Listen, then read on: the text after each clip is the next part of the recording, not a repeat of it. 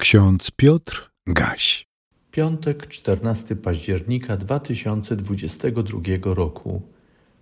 Czytamy dzisiaj hasło starotestamentowe z księgi Izajasza, 37 rozdziału, 16 werset.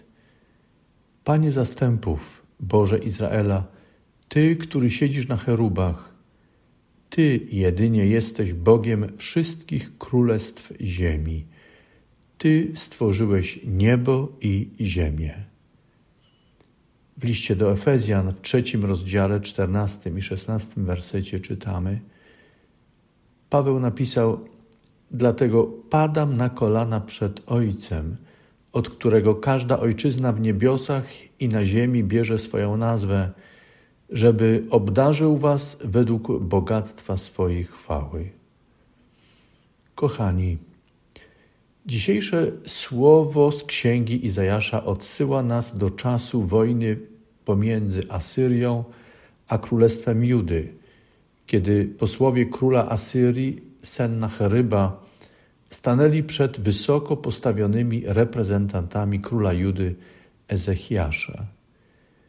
Posłańcy obnażyli w swojej mowie niekonsekwencje i błędy popełnione przez Ezechiasza – zarówno w budowaniu sojuszy w trudnym czasie, jak również w odnoszeniu się do swojego Boga Jahwe.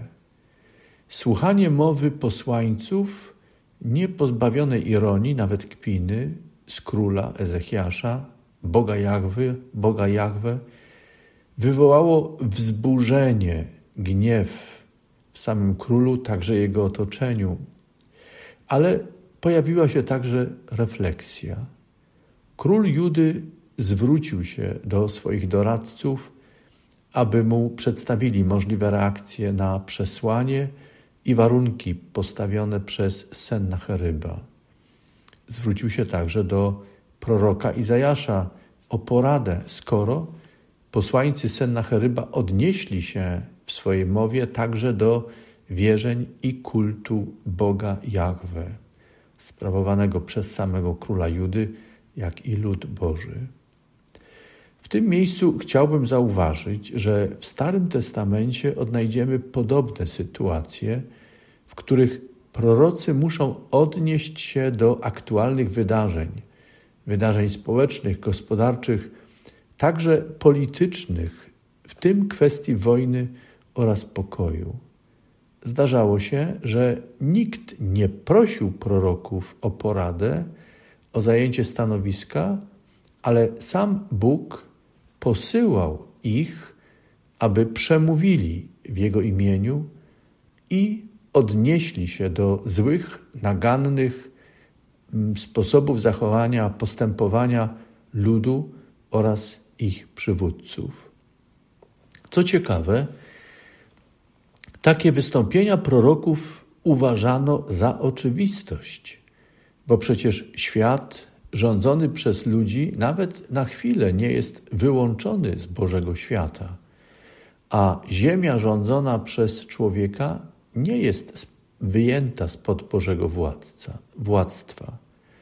Co więcej, odstępstwo od Boga dzieje się także wtedy, kiedy zarówno rządzący, jak i rządzeni porzucają Boga jako swego Pana, jako władcę, który jest nad nimi wszystkimi.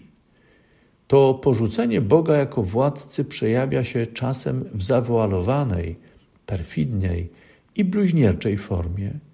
Polega ona na realizowaniu ludzkiego władztwa i realizowaniu swoich interesów pod pozorem wypełniania rzekomej Bożej woli dla budowania rzekomo Bożej sprawy na ziemi.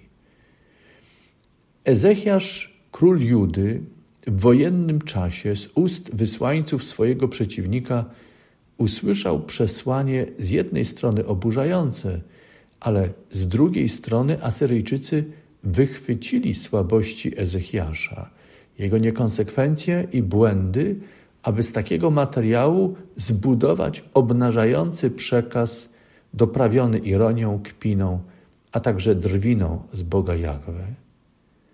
Ezechiasz poczuł się źle. ale nie był bezmyślny i nie był bezkrytycznym władcą. Wychwycił to, co było trafne.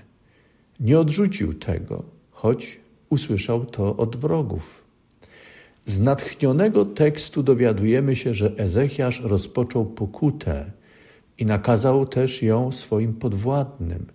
Uniżył się przed Bogiem, a proroka Izajasza prosił o wskazanie, co ma czynić, aby właściwie postąpić wobec Boga i podwładnych. Można powiedzieć, że król Judy nawrócił się do Pana. Dał temu wyraz w pokutnej praktyce, a także w swojej modlitwie, kiedy wołał: Panie zastępów, Boże Izraela, który siedzisz na cherubach, Ty jedynie jesteś Bogiem wszystkich królestw ziemi. Ty stworzyłeś niebo i ziemię.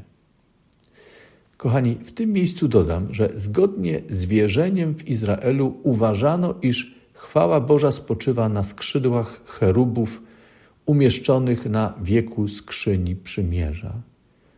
Ezechiasz odwołał się więc w swojej modlitwie do wierzeń Izraela, do znaków i symboli, które były materialnymi znakami obecności Boga, Pana wszystkich królestw ziemi, władcy nieba i ziemi.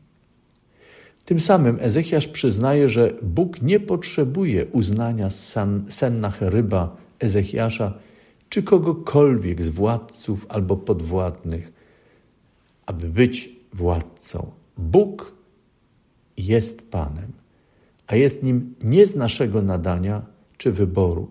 On po prostu jest Panem. Kiedy o tym słyszymy, kiedy tę prawdę przyjmujemy, idziemy w ślady apostoła Pawła i tak jak on, padamy na kolana przed Bogiem Ojcem, od którego każda ojczyzna w niebiosach i na ziemi bierze swoją nazwę, aby obdarzył nas wszystkim według bogactwa swojej chwały. Wołamy do Boga i prosimy, aby obdarował nas wszelkimi łaskami i poznaniem – byśmy zwróceni do Niego niestrudzenie żyli i służyli Mu w każdym czasie i każdym miejscu.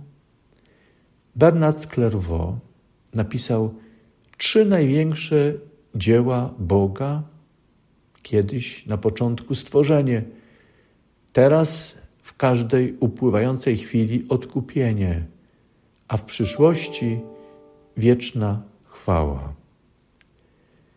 Boże, daj byśmy nie zapomnieli, że Ty stworzyłeś ten świat, a my jesteśmy u Ciebie w gościnie. Pomóż nam pamiętać, że pomimo naszego odstępstwa nie opuściłeś nas, nie odwróciłeś się od nas, ale przez Chrystusa przychodzisz, by nas zbawić. Pomóż nam pamiętać, że naszą przyszłością jest ta chwila, kiedy staniemy przed Tobą by odebrać to, co gromadzimy i co czynimy. Ale pragniesz dla nas, abyśmy odebrali wieczną chwałę z Twojej łaski i z Twojej dobroci. Boże, dziękujemy Ci za stworzenie nas. Dziękujemy za odkupienie. Dziękujemy za chwałę, którą dla nas przygotowałeś. Amen.